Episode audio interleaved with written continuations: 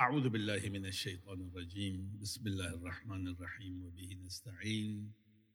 والصلاة والسلام على سيدنا ونبينا وحبيب قلوبنا بالقاسم محمد.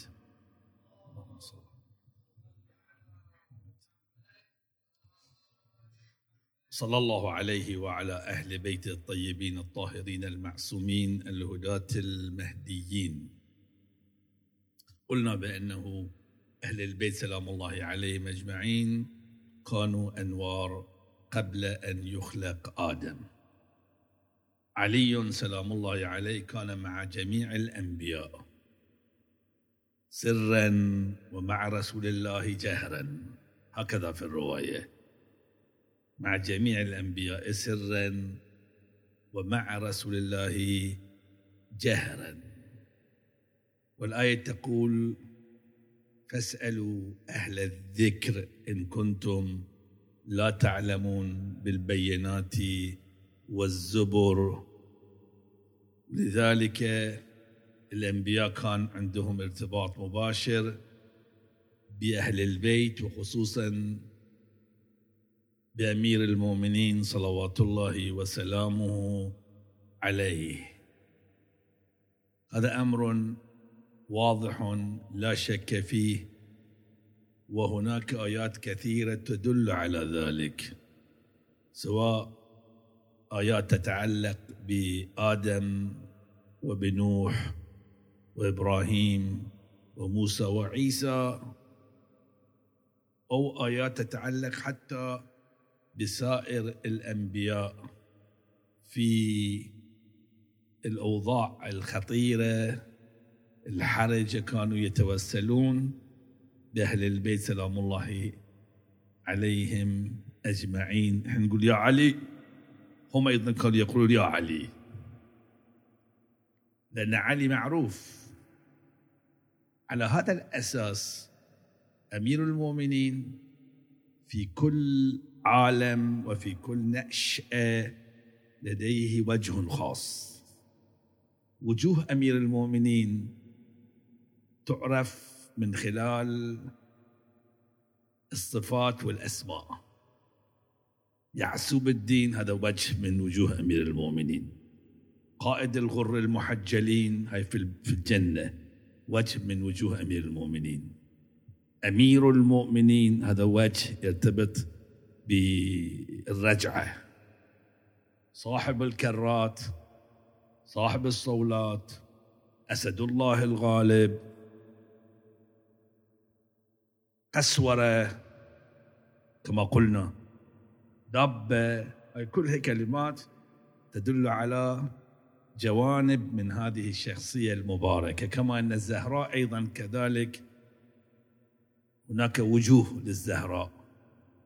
المنصورة هذا وجه من الوجوه.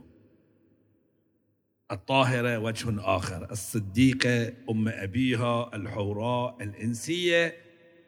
تصور إنسان كمثال أذكر لكم هذا الإنسان هو ضابط وفي طريق كربلاء. رأينا هذا الشيء وترون أيام الأربعين.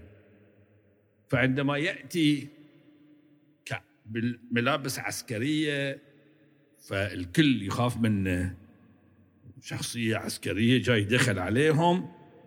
طبعا يحترمونه احترام خاص. ولكن نفس الشخص نفس الشخص هو صاحب الموكب. يوزع الشاي المرة تنظر إليه من منظار خادم الحسين. سلام الله عليه تتعامل معه معاملة أخرى.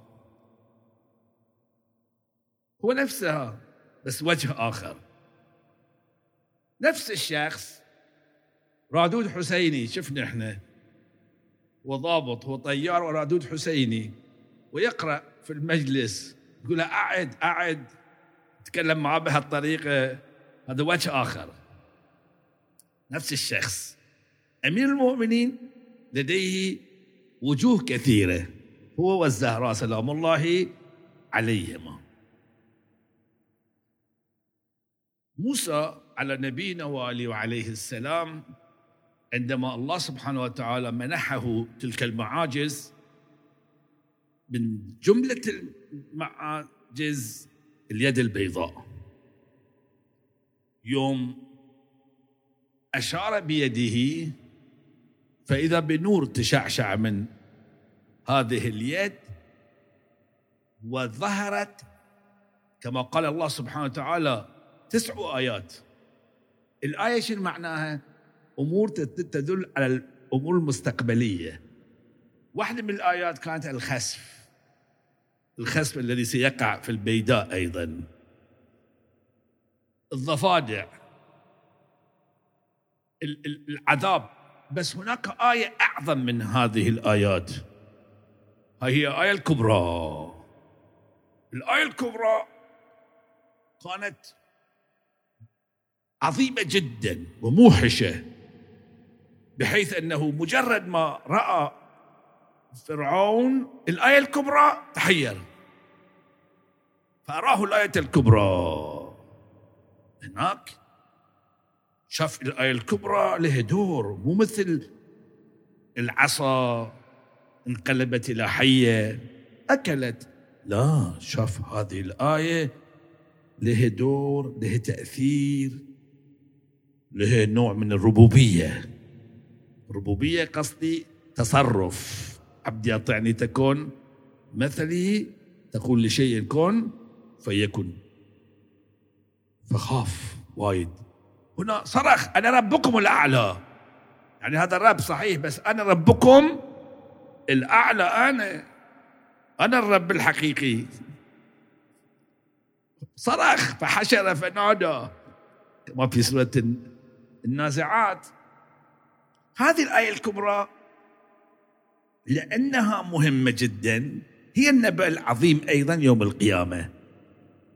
وآيتك الكبرى والنبأ العظيم. هي نفس الآية التي رآها رسول الله في المعراج.